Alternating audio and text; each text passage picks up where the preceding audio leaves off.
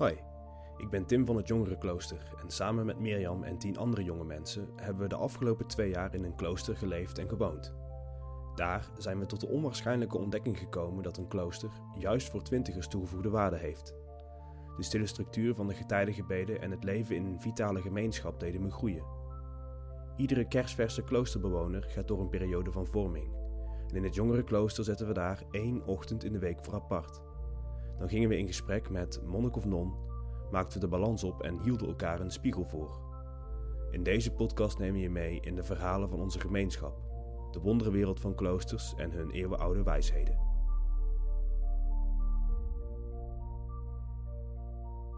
Vandaag vervolgen we onze zoektocht naar de motor van ieder kloosterleven, het getijdengebed. Dit keer aangevlogen vanuit de liturgie. En daarvoor hebben we een oude bekende van het jongerenklooster uitgenodigd. Ik hoop dat de, het vaste stramien van de liturgie ook juist die vrijheid kan oproepen. Het handige natuurlijk van, van een vast stramien, en dat, ja, je kunt dat zo detailistisch doen als je wilt, maar uh, je kunt ook gewoon zeggen, we hebben een paar pijlers waarop die orde gebouwd is. En dat geeft rust. Dat geeft rust als je weet, uh, als je niet de hele tijd om je heen hoeft te kijken, wat gaat er nu weer gebeuren? Omdat dan gaat alle aandacht daarnaar uit. Terwijl je juist wil dat de aandacht naar binnen gaat. Dat je de ruimte kweekt, ruimte maakt, ruimte schept om, uh, om die woorden die gelezen zijn, om, daar eens, om die eens goed in te laten dalen.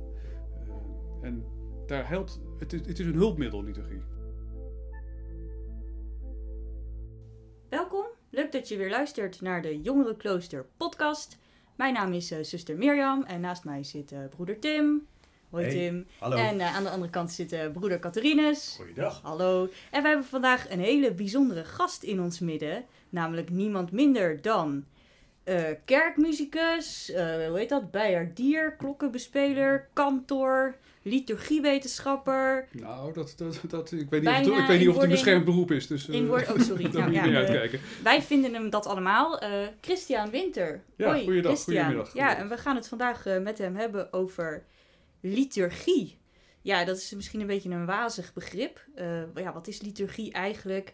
Is dat een soort eh, vast stramientje waarmee je je getijdengebed kan vormgeven of een kerkdienst vorm kan geven? Dan is natuurlijk de vraag, waarom zou je dat in vredesnaam willen? En misschien ook wel, ja, waarom zou je dat eigenlijk willen in de 21ste eeuw als jong persoon van vrijheid en blijheid? Dus daar gaan we het vandaag met de broeder Christian over hebben. En, En we noemen hem broeder Christian, want dat vergeet je nog Ja. omdat hij, eh, onder, of wij hebben eigenlijk onder zijn begeleiding de liturgieën eh, van het jongerenklooster eh, bedacht.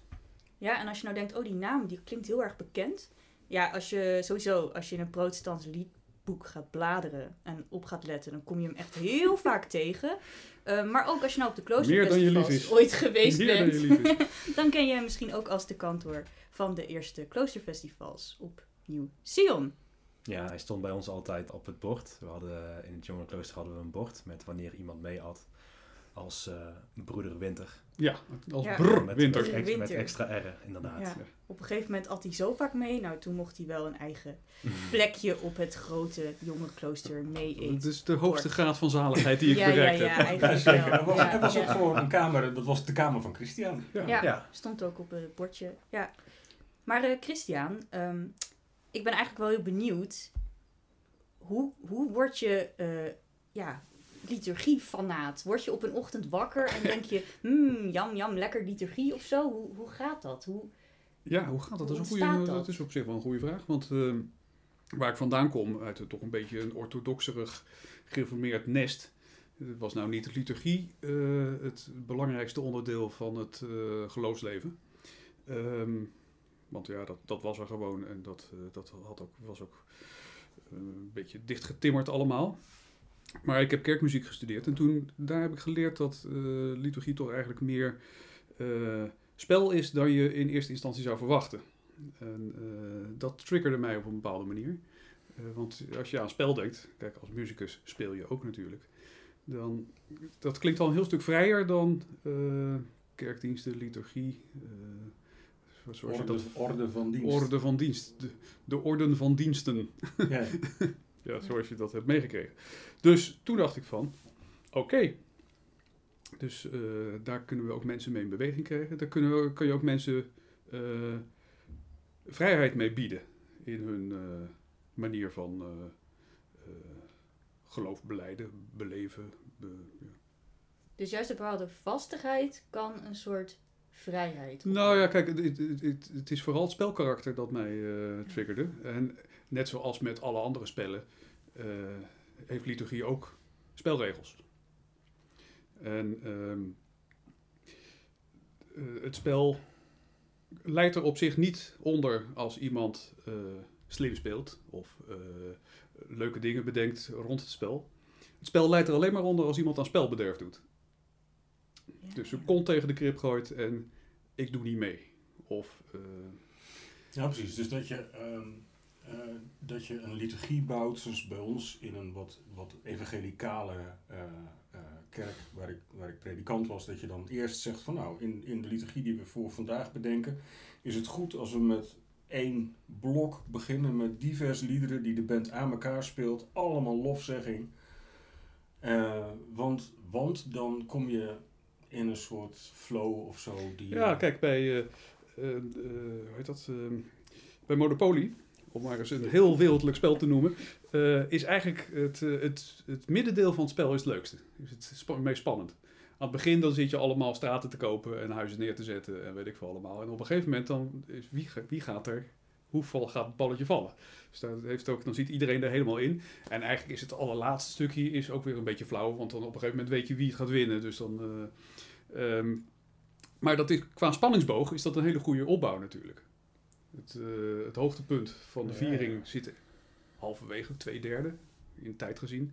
En daarna heb je Mm. nog wat om te ontspannen. En, dus dat soort dingen zijn, eh, zijn ook zaken in liturgie die mij heel aanspreken. Het, eh, het opbouwen van een misschien bijna theatrale spanningsboog over hoe lang zit je bij elkaar. 20 minuten in een eh getijdenviering, een Ja, uur zoiets. in een dienst van Ja. schrift en tafel, in een Eucharistieviering.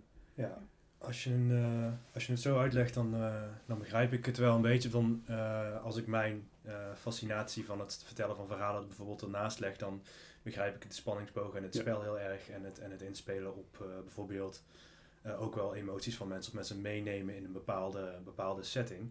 Alleen, nou, ik had hem stiekem alleen maar een aantekening gestaan, maar jij schopt er al meteen de deur mee open. Ja. Maar ik weet nog ehm, eh, dat het mij in het begin, want ik ontwierp de boekjes voor het Kloosterfestival waar jij kantor Ja. was. En toen had je een tekstje naar mij opgestuurd over dat liturgie een spel was, inderdaad, waar je nu ook de deur mee binnen, eh, binnen open doet. En ehm, dat ging, schoot mij heel erg in het verkeerde keelgat. Als, eh, als evangelische jongen die dan denkt van ja, maar we zijn hier toch geen spelletje aan het spelen. We zijn hier eh, eh, God lof aan het zingen. We gaan mensen toch niet brainwashen En we zo, gaan, hè? ja. Ja, als iemand die daar al van nature van het, van het concept brainwashen het al een beetje voorzichtig eh, en al een beetje kriebels van krijgt van dat idee. Als je dan komt met het concept van spel en je zegt ik, ik pak als kantor een bepaalde rol, dat zijn voor mij dan, is dan een formulering waar ik dan een beetje eh, ongemakkelijk bij word. Ja, nou, ehm, laat ik het op, op een andere manier aanvliegen. Ehm eh, Huber Oosterhuis heeft de term tweede taal ontwikkeld. Oh ja, ja. Ja, dus de, de eerste taal is de informatieve taal, zal ik maar zeggen. Dus Ja. eh, wat zegt de nieuwslezer? Dus die draagt informatie over. Maar er zit ook bij de nieuwslezer nog een hele laag onder. Want soms kan je door zijn intonatie horen wat hij er zelf van vindt, bijvoorbeeld. Of, of hij opgewonden raakt eh, van, eh, van het onderwerp. Als je naar andere sprekers toe gaat, bijvoorbeeld predikanten, volgens mij zitten hier een in de, Ja. in de zaal. Ik ontken alles. Ja. Ehm, die willen een boodschap overbrengen. Eh, maar die willen ook een, ehm, een tweede wereld oproepen. Een, eh, een wereld die... eh, een goddelijke wereld. Een, Een verhaalwereld, een verhaalwereld. een dunne plek. Ja. Ja. Ehm, en dat is, dat bedoel ik met spelkarakter. Dus dat Ja. is het, je begeeft je in een wereld die niet onze alledaagse wereld is. Ehm, en Ja. het vervelende is natuurlijk dat wij als eh grootgegroeide mensen heel veel spel kwijtgeraakt zijn. We nemen alles zo ontzettend serieus. En ehm, ja. betekent niet dat als je speelt dat je niet serieus bent. Want juist in het spel moet je eens met voetballen kijken hoe fanatiek iedereen wordt. Ja, Ja, hoe met hart en ziel letterlijk iedereen, iedereen erin duikt. En dat is voor mij eh, wat spel is. Dat je Hm. mensen met hart en ziel erbij betrekt. En niet alleen maar op eh, rationeel informatieoverdracht eh, niveau. Maar dat je, ja, dat je eigenlijk niet anders kan dan meedoen. Nee, precies. Dan, als ik dat als dominee even mag inkoppen. Ehm, eh, als, als ik tijdens een viering alleen maar stukjes uit de Nederlandse geloofsbelijdenis voorlees, dan heb ik die eerste taal te pakken. Dan klopt het allemaal wat ik zeg, maar er is geen hond meer die luistert. En er is niemand meer die geraakt wordt. Eh, dus ik zal altijd iets moeten doen. En ehm, Nou, het gaat natuurlijk om, om communicatie. ja, In dat, en eh, ja, je weet, dat is gewoon allemaal bewezen dat mensen haken af als iemand 12 minuten, het liefst nog monotoon, eh, dingen aan, Ja. het, eh, aan het zeggen is. Het een, een, talking hoofd. Ja. Alleen maar aan het zenden. Ja, ja, ja, ja. En dan is er ook nog iets, en daar eh, kan ik dan de eh, kunsthistorica en de verhalen-expert aan tafel misschien meevangen voor dit, voor dit Ja. andere voor dit inzicht. En dat is dat wat je echt wilt zeggen, als het, als het er echt om draait, dan doet gewone taal het niet meer. Als, als God Eva bij Adam brengt, dan moet hij zingen, dan moet hij poëzie gebruiken. Dan, dus als je, als, je, als je echt wilt zeggen, als je echt bij de kern wilt komen, dan heb je eigenlijk aan gewone taal niet voldoende. Dan heb je een melodie nodig, dan heb je ritme nodig, dan heb je poëzie nodig. Dan, dan, moet, het, dan moet het gaan zingen in de kerk. Nou, je hebt de hele psalmen natuurlijk is precies hetzelfde. Dat is ook geen droge opsomming van, eh, nou, eh, ik vind dit vervelend en dat vind ik wel leuk. Dat is, Ja. dat is ook een, een, een ja, poëtisch verhaal. Eh, en dat, daar, dat is ook de reden natuurlijk. Ja, dat maar het gaat, het gaat zelfs nog verder dan, eh, dan de woorden. Dus mijn, mijn Ja. oud- een van mijn oud-docenten die komt altijd met het voor, eh, voorbeeld van eh, Jan en Marietje. En eh, Marietje vraagt aan Jan, Jan, hou je nog wel van me? En het, als Jan zegt ja, of hij zegt ja, of hij zegt ja, of dat zit eh, in die verschillende intonatie zit een hele andere boodschap. Ja, ja, ja. Dus je zegt drie keer hetzelfde, maar je zegt drie keer iets totaal verschillends. Ja. ja. Ja, hier. Ja, ja, ja. De, e- de eerste keer, de eerste keer klinkt het als eh trouwboekje ligt in de bovenste Ja. la toch? Ja, inderdaad. Ja, ja. En die andere, eh, volgende betekenis is van, eh, ik zeg wel ja, maar eigenlijk weet ik het niet meer. Ja. Ja, het gaat dus eigenlijk een beetje om de poëzie tussen de regels door. Het gaat, nou, en dus ook om de eh, mensen die daar zijn gevoelig Ja. maken, om juist tussen de regels door te luisteren.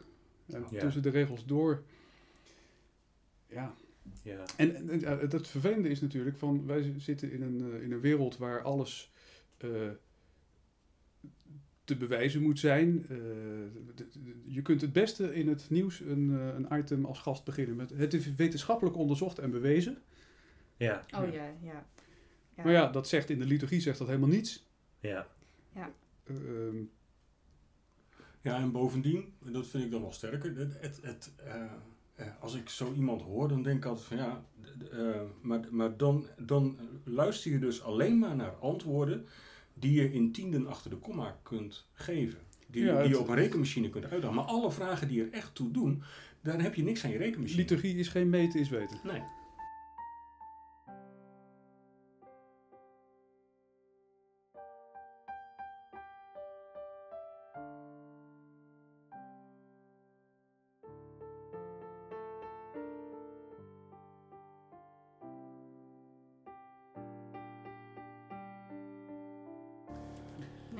Eigenlijk zit, eh, zit dat spel zit hem dus echt in dat je. ehm, nou ja, jij bent dan misschien, ik weet niet, zie jij jezelf als een soort spelleider dan ook? En is het ehm, het spel wat je speelt, dat is natuurlijk. Tuurlijk, je hebt die basisregels.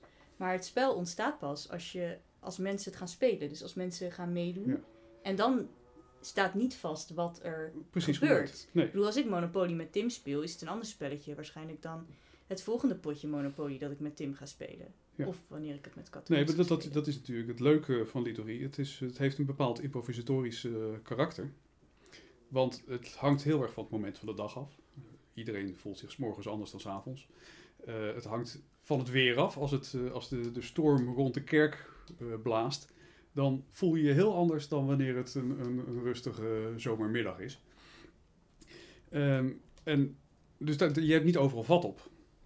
Ehm, maar de, eh, het, het, samen, eh, het samen doen en het, met name samen je schouders eronder, eronder zetten, dat het doorloopt, dat het allemaal goed verloopt. En je kunt natuurlijk, eh, kun je als voorganger, en voorganger zie ik dan als voorganger in het woord, maar ook als voorganger in de zang, eh, kun, je, kun je best sturen daarin. Eh, al- alleen al de timing. Ehm, als, eh, een tijd, tijd geleden, dat is al heel, heel lang geleden, hadden we professor Dr. Marcel Barnard eh, als eh, voorganger in de Oude Kerk. En die begon zijn preek met één zin. En hield vervolgens 20 seconden zijn mond. Ja, dan heb je dus iedereen. Ja, die Ja, gaat ja. zo naar voren en denkt stoel- van- Stoel, ja. En wat nu? Ja. Ja. Dan moet je ook wel met een klapper komen, moet ik zeggen. Ja, ik wou net zeggen, anders dan, gaat- dan denkt iedereen van nou, we wachten die ene zin even af en dan geef ik het rolletje peppermint door. Ja, Dan gaat iedereen, nou ja. Ja. Ja, Ja. precies. Dus het- daar kun je zeker mee, eh, mee, mee aan, de, aan de haal gaan. Dus Hmm. Dingen als timing, dingen als intentie waarmee je iets zingt. Eh, eh, bijvoorbeeld eh, als het er echt op aankomt dat je echt op een andere manier zingt dan wanneer het, eh, nou, dit, in de gang van de liturgie, laten we dit. Dus een psalm reciteren doe je anders dan na het evangelie eh, loven wij Ja. de Heer eh, zingen. Maar hoe, hoe voelt dat dan voor jou? Ik bedoel, je, je probeert mensen naar eh, die andere wereld te brengen. Hoe, hoe voelt dat? Ik bedoel, dat lijkt me ook wel een hele verantwoordelijke taak. Nou, het probleem, het probleem is dat het, je hoopt altijd dat de mensen die om je heen zitten dat ook zo voelen.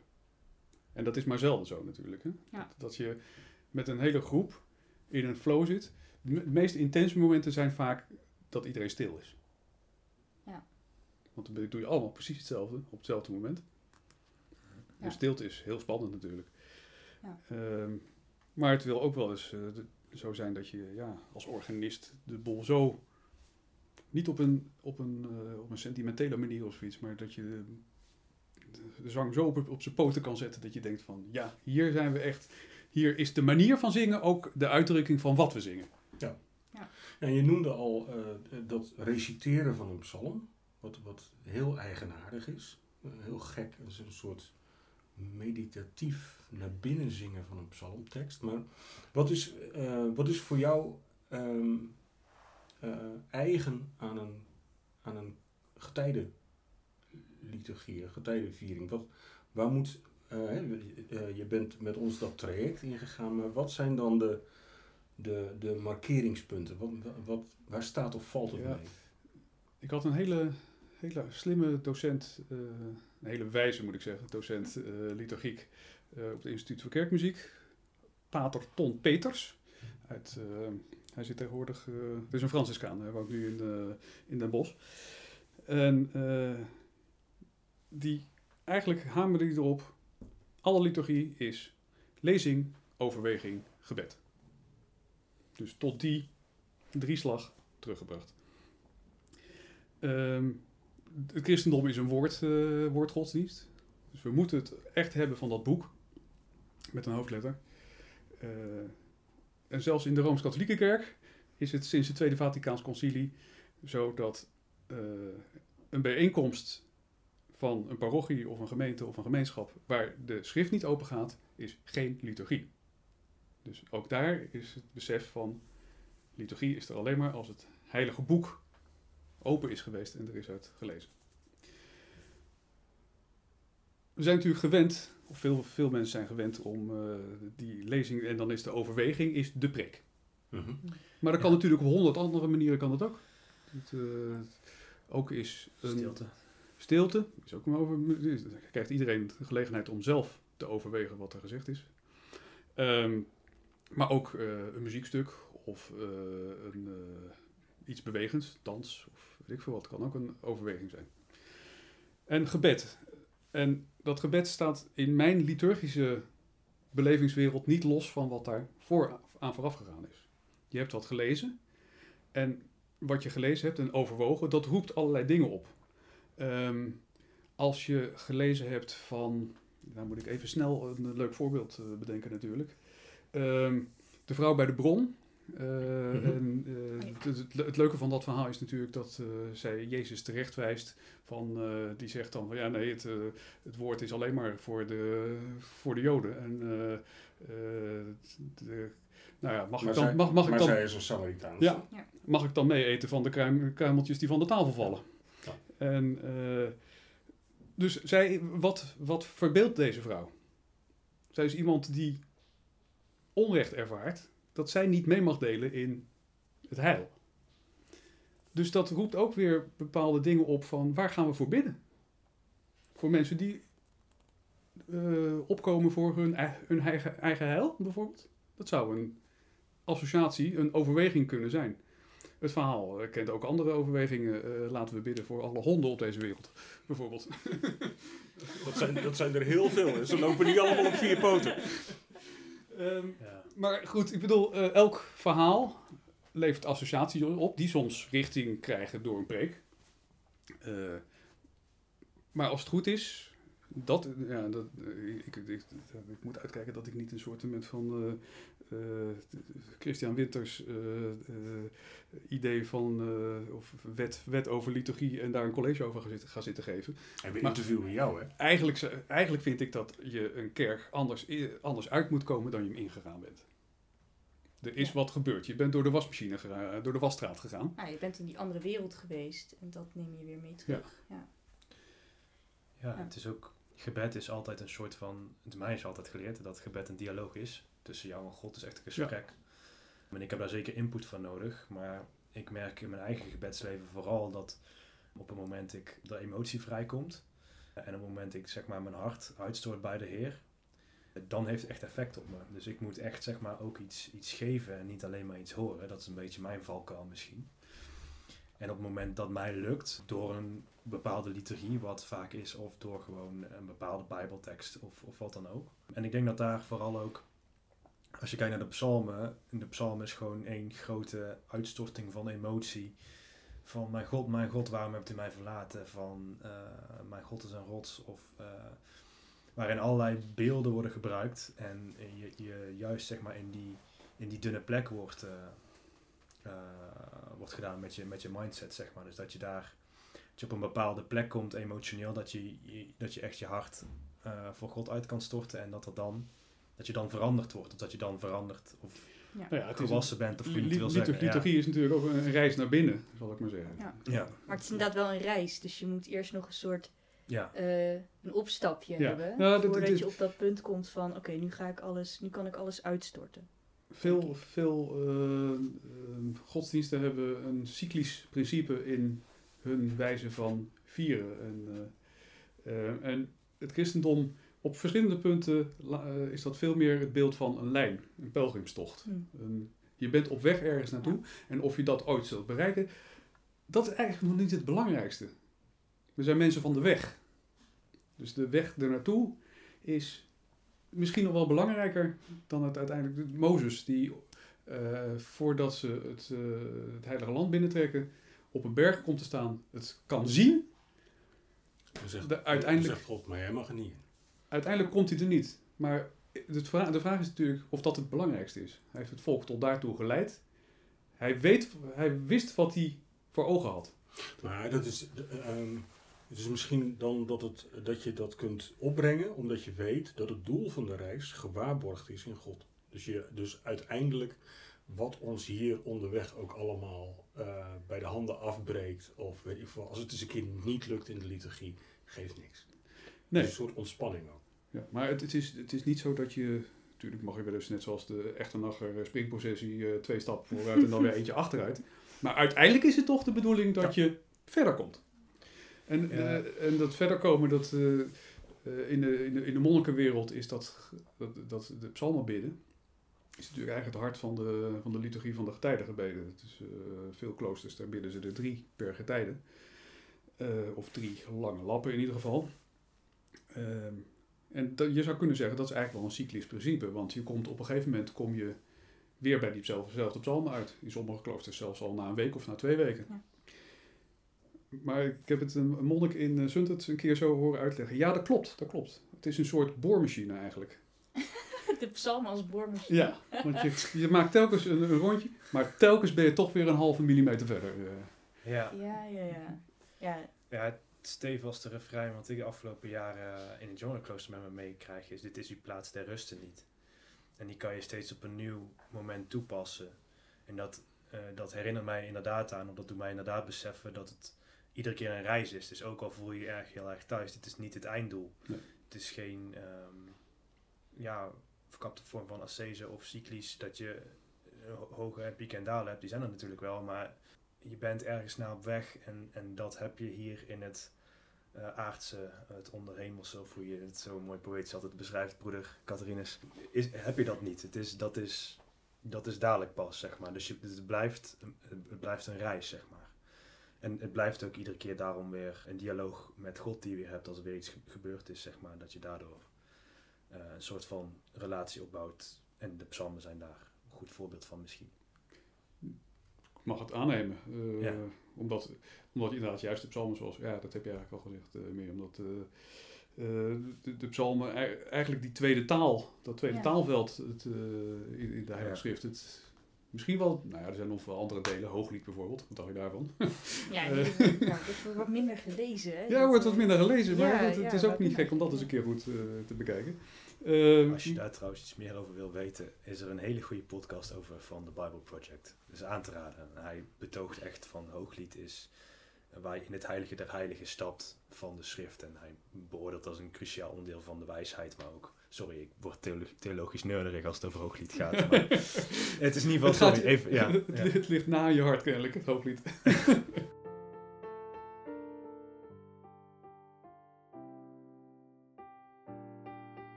Hé, maar broeder Christian, ehm, eh, ik snap geloof ik helemaal wat je zegt. En ehm, als gereformeerde dominee eh, eh, kon ik daarmee uit de voeten. Want liturgie is wat ik op dat moment maakte. Dus, wat, wat, dus wij bedachten van nou, zondag is het, is het verhaal, is het, het boek gaat op die plek open.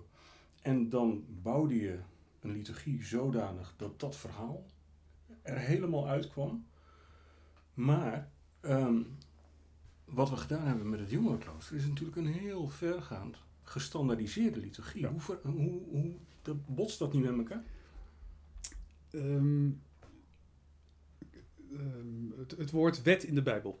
Eh, heel veel mensen hebben daar een idee van, dat zijn de dingen die moeten. Dan heb je de geboden en de verboden. Eh, maar in feite zijn ze natuurlijk bedoeld om juist om ruimte te scheppen. Eh, als je namelijk je allemaal eraan houdt dat je niet mag doodslaan, dat geeft wel een veilig gevoel op zich. Ehm, en eh, met eh, niet echt breken, ja, kijk, soms is er niet aan te ontkomen. Maar het is toch wel iets wat je beter zou kunnen voorkomen, zou ik maar zeggen. En de wereld wordt toch echt een stuk prettiger ehm, als, of, ja, als je in liefde bij elkaar kan blijven. Nou ja, goed, ik kan ze allemaal langs gaan, dat heeft geen zin hier. Ehm, ik hoop dat de, het vaste stramien van de liturgie ook juist die vrijheid kan oproepen. Een goed bouwwerk, een goed stevig bouwwerk kan hoop hebben. Dus als ik eh, hier in dit huis, eh, als ik de buitenmuren weghaal, dan dondert de boel in elkaar.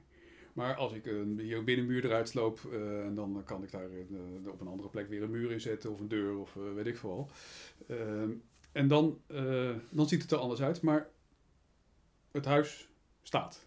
Ja, precies. En, de, de, eh, de en maar ramen binnen- zitten erin en de warmte blijft binnen. En Eh, als- mooi voorbeeld, ik, ik ben een klein beetje anglofiel, hoewel dat wel op de proef gesteld wordt de laatste tijd met Brexit en allerlei andere toestanden. Maar ehm, ik kom graag in Engelse kathedralen. En ik maakte het een keer mee in de kathedraal van Peterborough, een fenomenaal gebouw. Ehm, waarbij, waar afscheid genomen werd van de Lectrix, die dat kennelijk een jaar of dertig had gedaan. En die mevrouw was, ik meen, 90 of zo. Goed. Dus het was, het was evident dat het ook tijd werd voor die mevrouw om ermee op te houden. Maar hoe doe je dat nou? Want dat is, dat is altijd een lastig punt in de kerk. Hè? We willen niemand... eh, Iemand eh, wegstaren, Nee, maar eh, ja. Ja. Het was gewoon een, eh een Eucharistieviering. Heel, nou, heel klassiek. eh, een Engelse kathedraalliturgie. Dus het is e- eigenlijk weinig zo rotsvast als de Engelse kathedraalliturgie. En na de woorddienst ehm, was het, eh, het credo was gezongen. De geloofsbelijdenis. En eh, dan zouden de gebeden beginnen. Maar daar zit, zit zo'n puntje in de liturgie waar een beetje een scharnier zit. Hè? Dus daar werd de bol stilgezet. En daar kwam een heel, echt een, een heel warm verhaal van een van de priesters. Met bloemen erbij. En eh, ook grappig. Die Engelsen die kunnen altijd dingen ook niet alleen maar mooi zeggen, maar ook nog leuk. Dus, Ja. eh, dus een heel ontspannen sfeer in die kerk. Mensen die... eh, en eh, nou, ze had de bloemen gekregen. Bedankt. Was iedereen blij. Let us pray. En toen ging het weer verder. Ja, ja, ja. En Ja. ik dacht achteraf. En die liturgie heeft er absoluut niet onder geleden. Nee. Nee. Maar je hebt ook eh, mensen die, eh, die dan... eh, ja, we gaan zo meteen bidden. Eh, en dat doen we zo. Dan doen we onze handen samen. En onze ogen dicht. En dan, ja, en dan op, op dat moment dan help je de boel om zeep. Want dan ga je Ja. dingen doen ja, die, die het spelkarakter... Nou ja, dat is inderdaad een beetje van, eh, nou Tim, jij gaat zo meteen zes gooien, dan mag je zes stappen vooruit en dan mag je ons dorp kopen. Ja, dat, dan ja, is er natuurlijk geen flikker meer dan. Ja. Ja. Ja. Dus ehm, dat, aan de ene kant is het inderdaad eh, het frame wat er staat. Maar het frame moet niet omvallen als er opeens iemand halleluja tussendoor roept. En Ja. een, een slimme voorganger of een slimme kantor die, eh, die, die, die, die roept dan terug... Praise the Lord! Of weet ik veel wat, als dat Ja, gebeurt. ja. En dan is het, denkt iedereen van, dit hoort zo. Ja, ja, ja. Ja, precies. Ja, nou ja, als ik, ik, ik probeer ook nog even terug te denken aan eh, inderdaad onze, onze liturgie in het jongerenklooster. Waarbij, ja, eh we hadden een hele mooie bundel met daarin gewoon, nou, middaggebed hebben we deze en deze en deze onderdelen. Maar daarbinnen kun je natuurlijk ontzettend veel zelf wel bedenken. Je kan eh, zelf de liederen uitkiezen. Je, eh, we hadden dan wel een leesrooster, maar in het begin eh, kozen we ook nog wel eens gewoon... Nou ja, Zelf kijk, iets het, uit het, het handige, dan- het ja. handige natuurlijk van, van een vast stramien. En dat, ja, je kunt dat zo detailistisch doen als je wilt. Maar je kunt ook gewoon zeggen, we hebben een paar pijlers waarop die Ja. orde gebouwd is. En dat geeft rust. Dat geeft rust als je weet, eh, als je niet de hele tijd om je heen hoeft te kijken, wat gaat er nu weer gebeuren? Omdat ja, ja. dan gaat alle aandacht daarnaar uit. Terwijl je Ja. juist wil dat de aandacht naar binnen gaat. Dat je Ja. de ruimte Ja. kweekt, ruimte maakt, ruimte schept om, eh, om die woorden die gelezen zijn, om, daar eens, om die eens goed in te laten dalen. Ja. Eh, Ja. En daar helpt, het is, het is een hulpmiddel, liturgie. Het, het- En jij, jij, jij doet dat eigenlijk het mooiste, Tim, Oh, in, onze vieringen. Eh, jij lardeert die altijd op de goede momenten met, eh, met bijbelteksten die je bij elkaar zoekt. Of die je vindt in dat beroemde witte boekje van je. Ja. Eh, wat je altijd bij hebt. Dus een soort, ja, voor de, voor, ja, als je nu luistert en je denkt, waar heeft hij het over? Ik kan het hooguit beschrijven, maar we zitten hier een podcast op te nemen. En dat stomme witte boekje van Tim, dat ligt gewoon, gewoon op tafel. Nou ja, zo tussen de is het snoeren. inmiddels al niet eens Het is inderdaad niet meer zo is heel wit. Maar, maar daar, ehm, daar eh, als, als Wim een, of Wim, Tim een liturgie leidt, dan, ehm, dan duikelt hij uit dat boekje eh, eh, teksten op die allemaal een relatie aangaan met de tekst die we aan het lezen zijn. En zo bouw je iets op, gewoon in dat onwrikbare stramien van die liturgie, wat, wa- waar je toch helemaal voor open staat. Ik vind dat, dat wel bijzonder. Hè? Ja, ehm, ik, eh, het is wel mooi dat je dat, dat je dan net zei, broeder Christian, over die, eh, dat halleluja-moment. We hebben natuurlijk in, in de gemeente waar ik vandaan kom, Evangelische Baptistengemeente in Valkenswaard, daar ehm, mocht ik ook vaak eh, diensten leiden en er was altijd één vrouw die dan ehm, de evangelicale neiging had om eh, to shout down the preacher, om maar even op, zijn Je Brits te werd, zeggen. werd, werd van de weg gedrukt eigenlijk. Van, die zit van, joehoe, woe. En dan in het begin was dat ooit een beetje zeg maar wringend. Ja, dus dan een beetje ongemakkelijk, ongemakkelijk. Ja. En op een gegeven moment maakte dat soort van deel uit van onze gemeenschap. Dus het is ook van, als het dan niet kwam, dan was het ook weer een soort van niet thuis of zo. Ja, het, is, het, is, het En, blijft altijd een, ehm, een, een, een spannend evenwicht Ja. tussen. eh, kijk, het, het, het christendom is ook nog een keer een, eh, een universele of in ieder geval mondiale eh, godsdienst. Ehm, en dus je wil op een bepaalde manier ook connected blijven met eh, de christenen in India en eh, in. noem eens een ander land. Binnen, binnen Mongolië. Bijvoorbeeld. Zoiets. Ik was doen het al. Eh, ja. Ehm, en aan de andere kant heb je te maken met je lokale gemeenschap die een eigen mores laat groeien. Ja. Eh, en dat is een.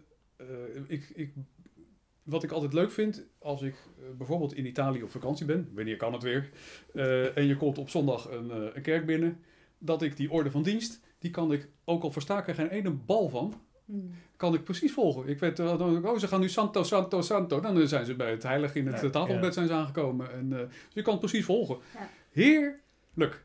Ik versta Ja. er geen bal van, maar voel me toch heel erg connected met die mensen die daar allemaal zitten. Ja. Ja, je wordt dan, eh, het is makkelijker dan om je kwetsbaar te maken en te denken van oké, eh, dit gaat om, om God en om hetzelfde Ja. wat, wat ik thuis doe. Ja. En het gaat om die, ja voor mij zal het zijn, de persoonlijke relatie. Ehm, ja, net zoals eh, eh, mijn beruchte witte boekje, wat ik eh, van een, eh, wat ik van de stichter van onze Luisteraars, hij, hij heeft het nu gewoon echt vlak voor zich gelegd. Als spanning stijgt, spanning Ja. stijgt. Het witte boekje. Ja. Nou ja, als je toevallig luistert, de kans is misschien wel een beetje aanwezig vanuit de Evangelische Baptiste gemeente in Valkenswaard, dan herken je het nog. Want het is niet iets wat ik in het klooster heb bedacht, maar dit is al iets wat ik al jaren doe.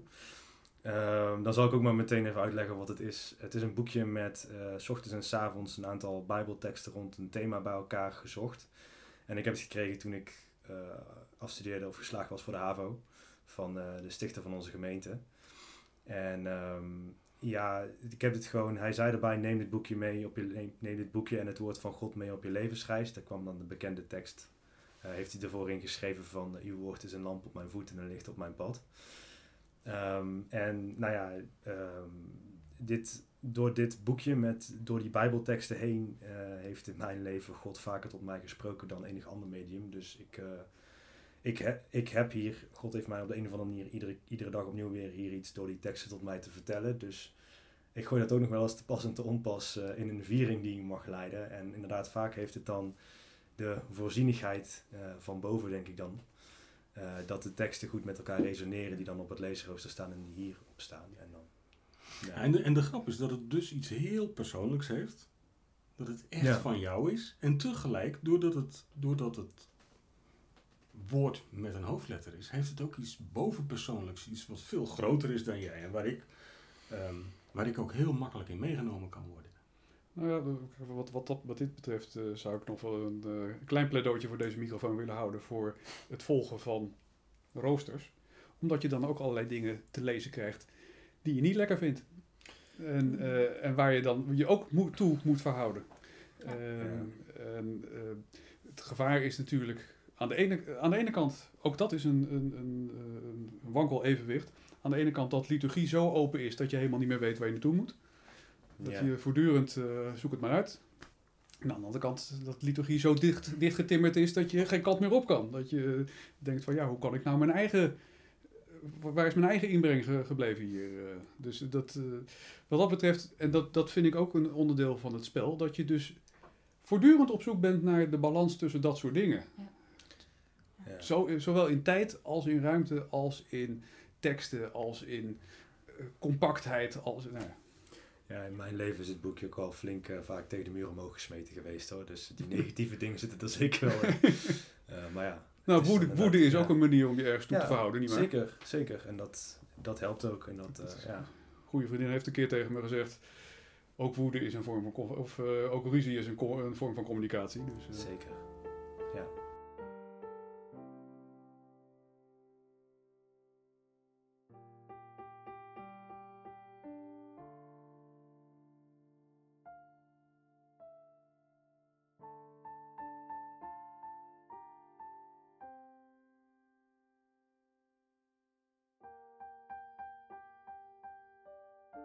En ik denk ook wel dat het. eh, ehm, het raakt ook wel aan iets wat ik zelf altijd heb ervaren als ik dan liturg was.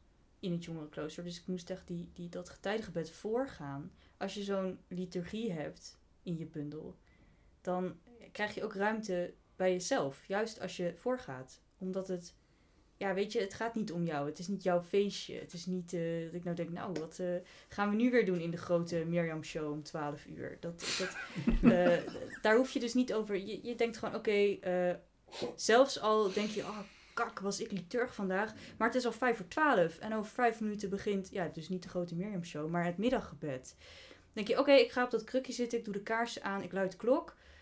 in andere volgorde. En dan vervolgens, ik volg gewoon de liturgie. En dan werkt God wel door mij heen. Op een Nou bepaalde manier. dat geeft zo'n ruimte. Het is grappig dat je, eh, Tim aan het begin eh, noemde, van ik, waar ik ook bij stijgerde, was ik speel een rol in de liturgie. Ja, Dat hebben we eigenlijk nog niet, eh, niet aan de orde gehad eh, Nee, nu, klopt. maar daar, is, daar sluit eh, jouw opmerking eh, oh, ja. mooi, mooi bij aan. Ja. Omdat ehm, ik vind het heel belangrijk inderdaad in de liturgie, het gaat niet om jou. Ja, precies. Ik, ook, ook in het dagelijks Ja. leven eh, heb ik, eh, huldig ik het principe, het gaat niet om jou, het gaat om de zaak. Ik bedoel, het gaat om waar je, Ja. mee, waar je mee bezig bent. En eh, jij bent alleen het medium waardoor... Ja, het medium klinkt meteen zo zweverig. Maar ik hoop dat jullie begrijpen wat ik bedoel. Ja, ja. Ehm, jij bent de, Het doorgeven luik. het doorgeefluik, inderdaad, eh, waar, waardoor dit allemaal eh, kan gebeuren. En jullie hebben ook gezien dat ik in het eh, jongerenklooster... Ik, de la- laatste keer heb ik het eh, nog aan jou gevraagd. Zal ik deze week ook nog mijn eh, gewaad aandoen? En eh Catharinus was daar heel stellig in. Ja, tuurlijk. En voor mij helpt het heel erg. Zolang ik gewoon in mijn kloffie door die kerk heen loop, ben ik Christian Winter. En dan ga ik even naar achteren, dan doe ik dat ding aan. En dan ben ik de kantor. Mooie witte gewaad, ja. Dan ben ik de kantor. En wat is dan... dan maakt het helemaal niet meer uit dat ik, eh, eh, wat ik gestudeerd heb of wat ik, eh, dat ik mijn rijbewijs gehaald heb of weet ik veel wat. Op dat moment ben ik de kantor en, eh, en eigenlijk niet meer Christian Winter. En dat is die, die rol dus, ja, je bent op, dan, op, die, op die manier. je bent dan een soort van instrument Ja. eigenlijk.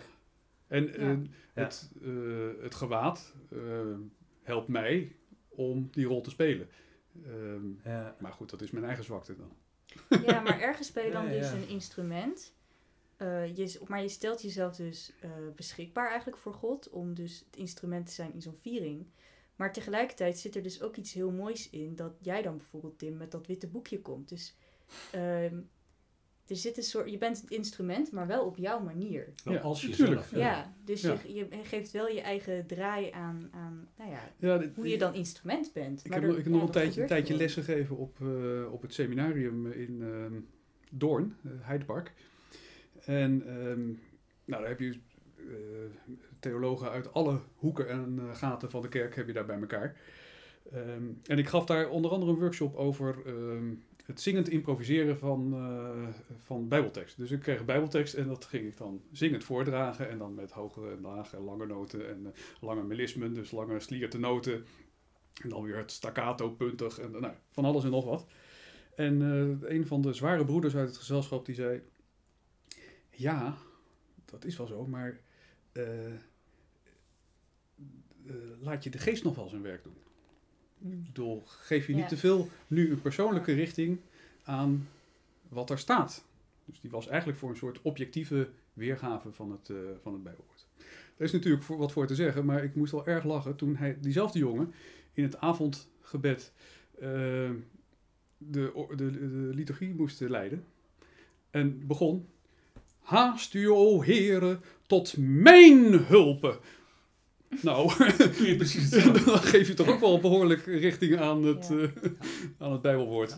Dus, Ja. ehm, en ik neem dat zo'n jongen niet kwalijk natuurlijk. eh, want iemand anders die dat de volgende keer doet, die, eh, eh, die doet dat weer anders. Maar een glimlach kon ik toch maar moeilijk onderdrukken. Maar het is, het is misschien wel altijd dus, dus een soort eh, evenwicht zoeken tussen ehm, een vast stramien en de vrijheid daarbinnen. Maar ook tussen je, ehm, tussen je functie, je functionaliteit als, als voorganger. En de onverm- onvermijdelijk persoonlijke manier waarop je dat inkleurt. Maar je, je, je, je, je moet als persoon niet voor de zaak gaan liggen. Nee, precies. Dat, eh, ehm, het is, het, je moet je achter je oren krabben als na een dienst gezegd wordt... eh, nou, Christian. Christian heeft weer mooi gezongen vandaag. Ja. Oh ja, nee, daar ging het niet om. Ja, Daar ja, ging ja. het dus eigenlijk niet om. Ja. Nee, precies. Je bent een soort, als, als voorganger ben je een soort van toneelknecht die het gordijn eh, opentrekt. Ja, maar het, het- ja, het is eigenlijk wel, wel meer dan dat. En dat maakt het juist zo lastig. Omdat je, ik bijvoorbeeld heb te maken met mijn eigen stemgeluid. Eh, wat, ja, sommige mensen herkennen het uit duizenden. Dat eh, als er gezongen wordt, oh dat is Christian. Ja. Dus je ontkomt er niet aan dat het persoonlijk is. Ja. Eh, maar aan de andere kant, ehm, ja, je, je- moet niet de aandacht naar je toe trekken.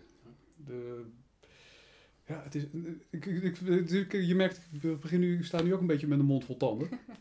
Want ehm, het, is, het is ook een bepaald liturgisch vingerspitsengevoel wat je moet... Ja, eh, Ja, het is geen objectieve liturgie of zo eigenlijk. Nee, dat wil je het ook is niet. altijd een combinatie van plek, personen, persoon, eh, ja, de, de wind buiten. Ja, maar goed, dat, dat is wel het vingerspitsengevoel van degene die... eh, eh, is Duits nog eh, toegestaan? Ik Ja, bedoel, zeker. het, het vingerspitsen, vingerspitsgevoel. Het Nou, ik zeg- ervan. Het ik in- zeg überhaupt nooit Ja. iets in het Duits. Sowieso Ja. niet.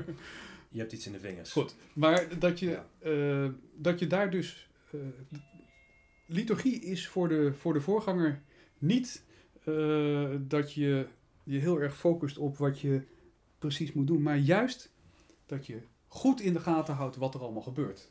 Ja. En daarop reageert als het nodig is. Wat, wat was Luther, geloof ik, die zei van. ehm, die kwam bij een, een compaan van hem binnen, die zat te bidden. En na een paar minuten zag hij Maarten Luther staan. En eh, ja, je zal Maarten Luther opeens in je kamer zien staan. Daar, daar stond nogal wat. Ja. 1,60 meter, 160 Ja. kilo. Ik hoorde u niet binnenkomen, want ik was zo hard aan het bidden. Toen zei Luther, als je aan het bidden bent, dan moet je de vlieg op de muur horen lopen.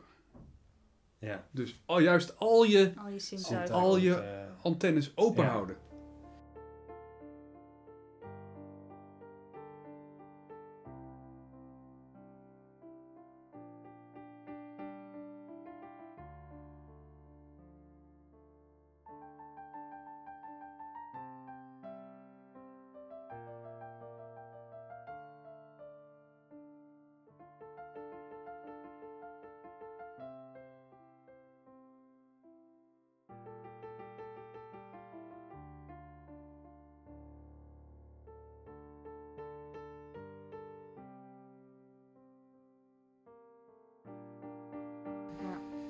Wat jij net zei over de geest vond ik wel eh, grappig. Want ehm, eh, mijn vader is ook iemand die vaak de liturgie eh, leidt. En hij is bekend van de, van de uitspraak dat je juist niet alles te vast moet vastleggen, omdat je ruimte moet laten voor de werking van de geest. Ja.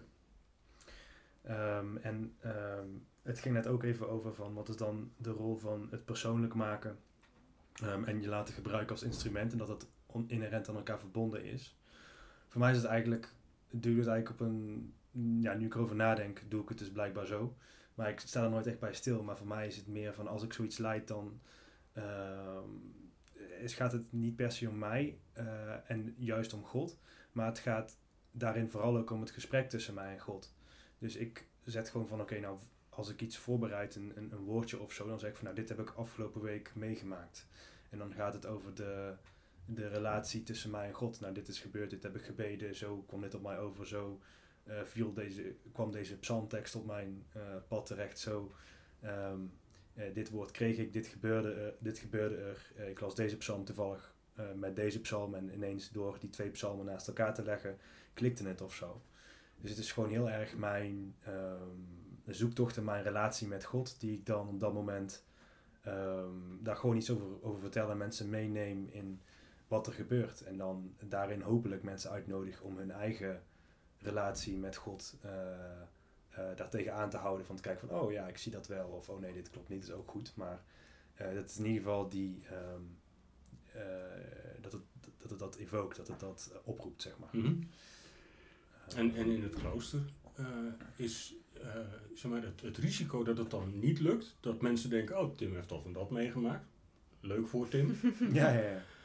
Ehm, dat, dat risico is dan heel groot. ja. En in het klooster is dat heel klein, doordat in de liturgie die wij samen gebouwd hebben, eh, ja, dat is, daar ligt zoveel vast en er zit zoveel rust in, eh, dat je niks in hoeft te brengen van jezelf.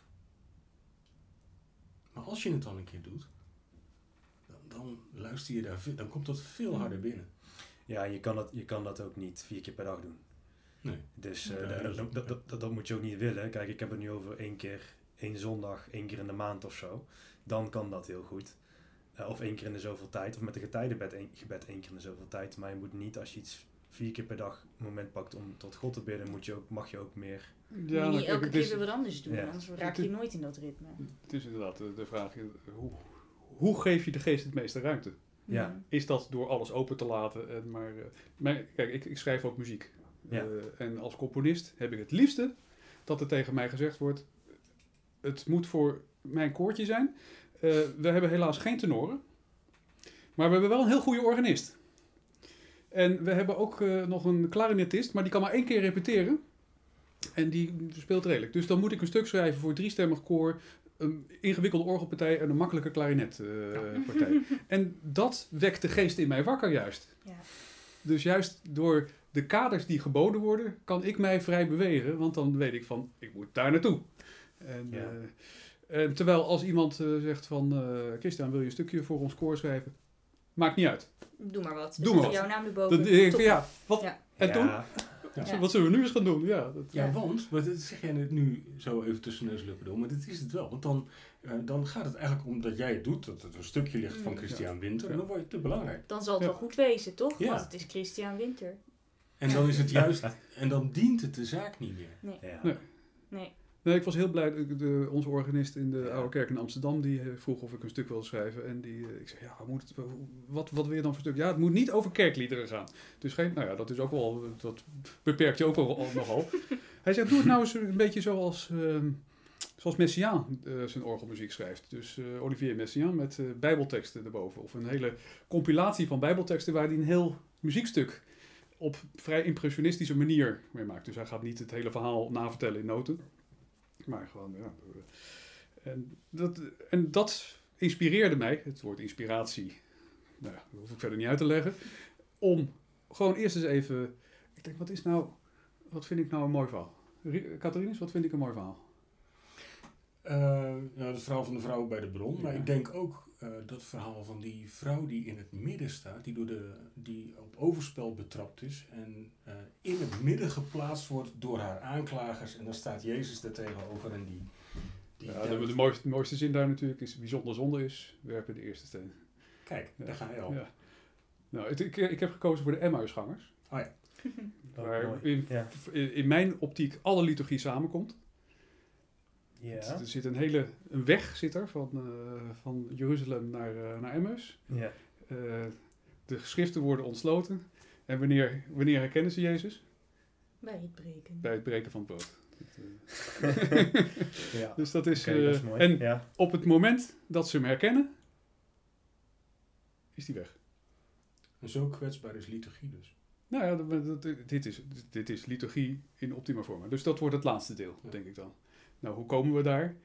Eh, nou, nog, nog wat, wat bijbelteksten bij, een paar psalmteksten van eh, ehm, psalm 34. die Psalm 34 vers 10, wat is het ook alweer? Eh, ehm, ja, Ja. het ligt op het je puntje van mijn tong. Nog een keer, Psalm- kan je nog één keer noemen, broeder? Psalm 34 vers 10. Of, heb of- namelijk nee, ook vers altijd- 9 is het volgens mij. Maar goed, 34 je, je, 9. je ziet het vanzelf. Eh, Ik heb namelijk niet alleen mijn boekje bij. nee, ook een heilige schrift ligt, ligt hier. Psalm 34, vers 9. Vers 9 is het geloof ik, ja. Eh, proef en zie dat Juist. de Heer goed is. Welzalig Oh, ja. de man die tot hem de toevlucht neemt. En een vers uit Psalm, is dat, eh, is- is dat 104? Eh, hij geeft zijn voedsel op de juiste tijd. Eh, Aan, eh, ja, Ja. Ieder, ieder mens, eh, eh, eh, dat wordt dan vergeleken met die jonge leeuwen die op, Ja. op pad gaan om, eh, op zoek naar voedsel. En ze krijgen het gewoon van de Heer. ja. Ja. Dus nou, ja, die. En als je die zo'n compilatie aan bijbelteksten achter elkaar zet, dan heb je al een heel verhaal. Ja. Eh, en dan hoef je eigenlijk zelf niet zoveel meer te doen. En dat is, dus ik heb ook mijn eigen liturgie geschapen daarmee. Een stevig kader, een stevig eh, frame Mhm. waar ik, mijn eigen, gang- waar ik mijn eigen gang kan gaan. Het liefste Ja. dus een liturgie als een kader waarin je je vrij voelt. Om alles in te brengen wie je bent en wat je geleerd hebt en wat je kan. Als Zonder- zonder dat je- liturgie dient. Dus ja, niet, zonder dat je voor de zaak gaat liggen. Ja, maar waarin je dus ook de ruimte biedt aan alles, aan de anderen Ja. om je heen. Aan de gemeenschap om je heen. Aan de plek waar je bent. Dus eigenlijk is liturgie heel vrij. Nou, ja, En ik- ook weer niet. Ik had een, een, een hele rare dominee in, mijn, in de eerste gemeente die ik als kantororganist heb gediend. De Morgensterkerk in de Beeld. Ehm, nou ja, dat is ook misschien wel een mooie afronding. er werd iemand onwel tijdens de preek. En eh, dat was een predikant dus zo pastoraal betrokken. Die sprong meteen van de preekstoel af en ging daar meteen, en liep mee toen ze met een brancard naar buiten werd gebracht. En eh, er, er kwam een ambulance en een hoop. Ja. En ondertussen ja, zaten wij daar. Ik heb wat orgel gespeeld en eh, weet ik van wat. En na een minuut of tien kwam, kwam de predikant weer terug. En die zei, toen hij op de preekstoel zat. Ja, alles wat ik nu zeg is minder waard dan wat er gebeurd is. Ehm, amen. Wauw. Dat was eigenlijk het beste wat hij op zo'n moment kon. Op het moment dat je dan weer gewoon gaat zeggen van... Waar waren we ook weer gebleven? Ja, dan Ja. is het ook weg. Ja, dan Ja. is het ook... eh, dus- want iedereen had namelijk al tien minuten in spanning gezeten van... Gaat deze mevrouw het overleven? Wat, gaat er, wat is er aan de hand? Eh, je, je krijgt een beetje zo'n rare sfeer binnen in kerk eh, natuurlijk. En, nou ja, de- wat er in de gebeden werd gezegd, dat laat zich raden. Dus ja, dat- dan wordt het wel heel duidelijk aan- aangeboden. Maar dat is wel de manier, denk ik, waarop je als liturg moet reageren. Dit was wel heel erg eh, evident, zal ik maar zeggen. Eh, Ja. Moet reageren op wat er, wat er om je heen speelt. Wat het is, eh, liturgie is niet dat je zelf naar een hogere hemel. eh, het is juist met twee benen op de grond staan. En waar ben ik gesteld als mens? ja. Liturgie is op je plek vallen. Ja.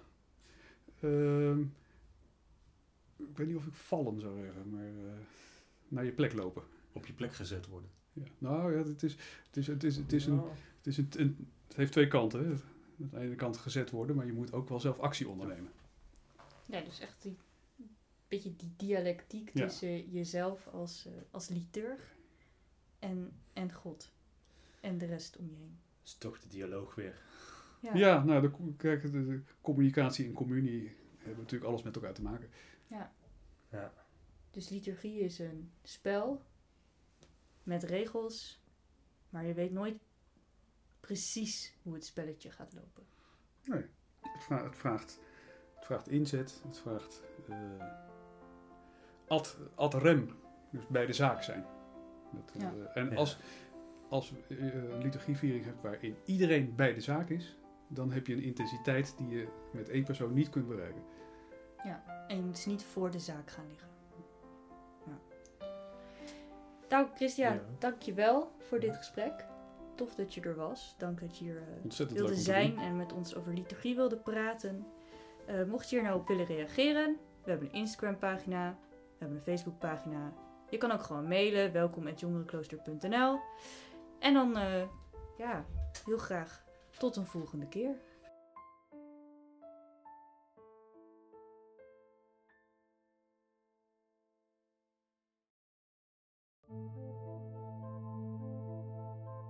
Dank voor het luisteren naar de Jongerenklooster podcast.